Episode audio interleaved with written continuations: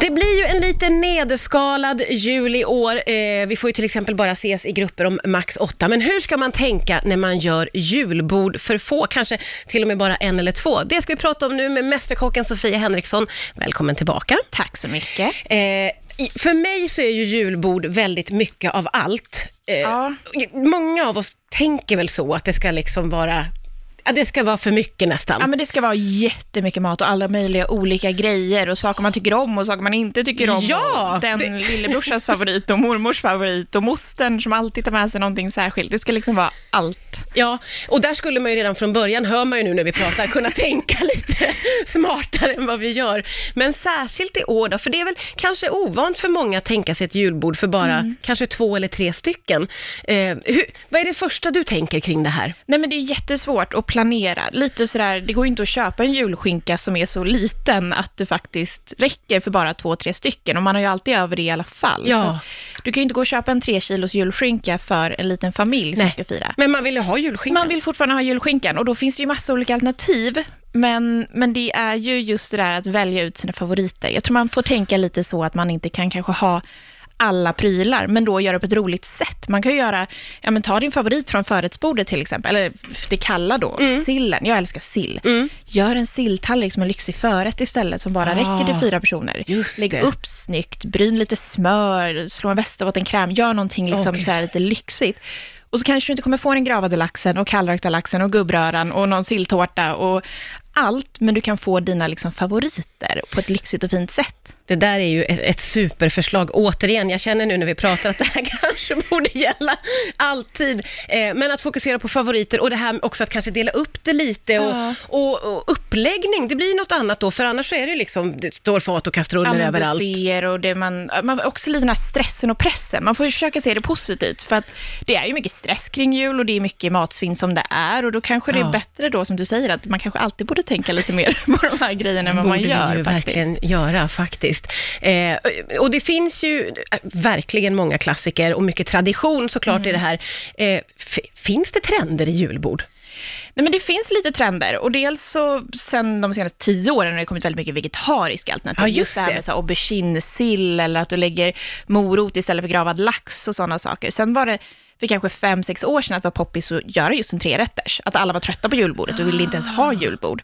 Men nu har man ju sett lite 2020 i mattrenderna, såg jag senast i någon rapport, att man vill komma tillbaka till comfort food. Man vill äta det man alltid har ätit eller sina morföräldrar åt. Och det kanske är någonting med att ja, men det är en osäker framtid och man Ja. vet inte riktigt vad som händer i världen. Och då, ja, men då vill man äta kåldolmar eller köttbullar, eller det man liksom är trygg i att äta. Ja. Och därför tror jag att många verkligen ser fram emot det här julbordet. För man går inte iväg med jobbet heller och käkar på tio julbord innan julafton. Nej, Så du nu- kommer inte att vara helt övermättad på julbord, det är ju sant. Nej men precis, så nu vill Verkligen. nog folk ha det här klassiska som man är van vid, om man i alla fall liksom är van vid det här Ja, ja, traditionella ja, ja. julbordet. 2020 är inte året där man testar något nytt, utan här Nej, ska vi nu ha vill våra man ha gamla klassiker. köttbullar. Till det här med julskinkan, det är ju en favorit hos så många.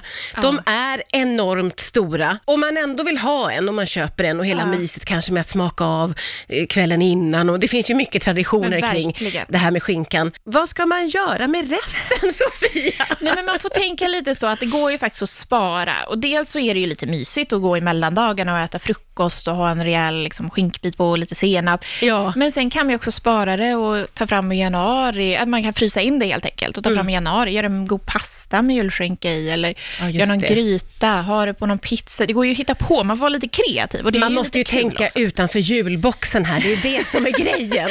utanför julklappen, Ja. paketet.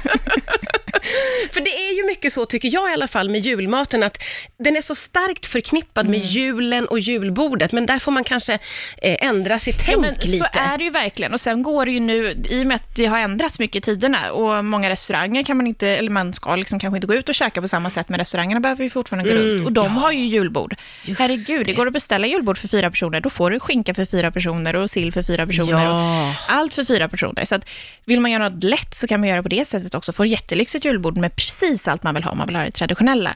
Men sen är det klart, ja men är det tradition också att stå och grillera den där julskinkan på morgonen, Ja, men då får man kanske ta och, och göra någonting annat med resterna eller vara lite kreativ på det sättet. Ja, just det. Man får helt enkelt tänka, men det där är ju också ett väldigt bra tips, som du säger, att kunna beställa hem och få allting serverat och i Ja, men och lagom... genomtänkt och smakerna. Det är jätte, jättefint och det är många restauranger nu som har julkassar där de, hela julbordet är fixat. Liksom. Och jag tänker också att särskilt i år så vill man liksom unna sig gott och må gott på julafton. Alltså det här året har ju varit väldigt prövande för väldigt många.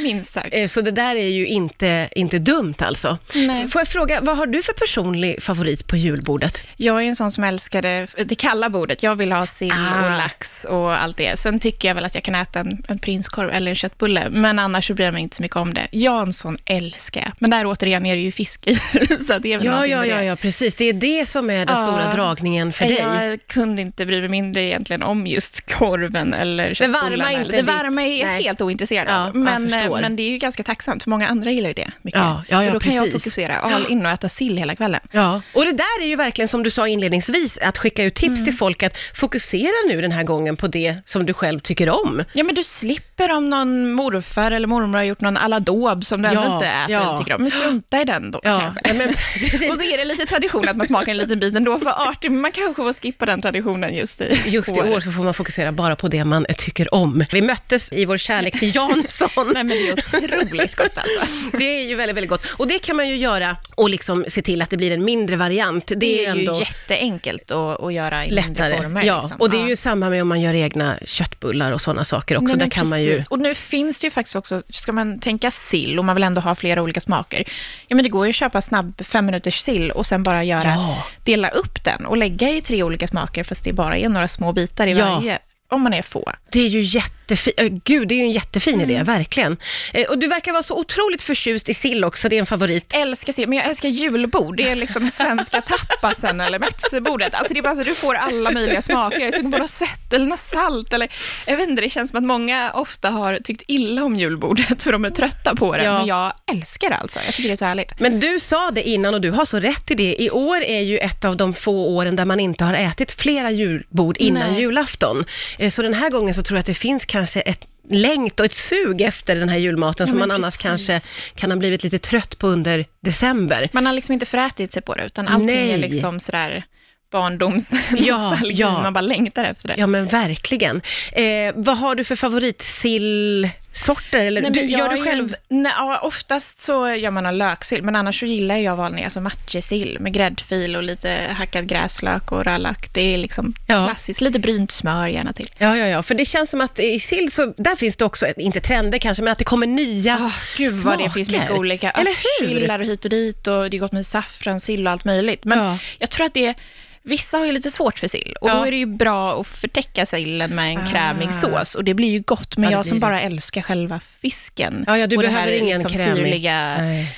picklade inläggningen, liksom, då, ehm, då vill jag ju bara ha den. Ja. Eh, och hur viktigt är det med lite eh, gottebord och dessertgrejer, tycker du? Nej, men jag tycker det är viktigt. Ja. Det är det man sitter och äter Nu hela låter du så kvällen. allvarlig. Nej, men nu är det på riktigt här, Martina. ögonen i mig. Jag tycker det är viktigt. Men, ja, det är så gott och all knäck och chokladkola och Rocky Road och lussekatter. Och, ja, men det vill man ju bara gå och äta på hela kvällen. Ja. Och man bara mår så illa och man bara kan inte sluta äta. Nej. Det är Och underbart. Allt det där är ju också ett ganska mysigt pyssel att ägna sig åt under hela Ja. december. Det där att göra julgodis, det är ju också någonting som får en att känna barndomen på något Ja, men sätt. det, och det håller länge, det är ingenting Ja. som blir dåligt direkt, utan du kan, du kan gå och äta den där kolan i en månad om du så vill. Ja, exakt. Eh, men då har vi ju fått med oss väldigt fina tips här och, och eh, ett av de största det är väl det här med att om man eh, köper en jätteskinka eller för mycket så får man tänka lite, lite Framåt, framåt och spara och inte slänga liksom. och göra någonting annat med den juliga maten. Det är alltid ett nöje när du kommer hit. Ja, Tack men det är så roligt att snälla. Sofia Henriksson för att du kom hit idag.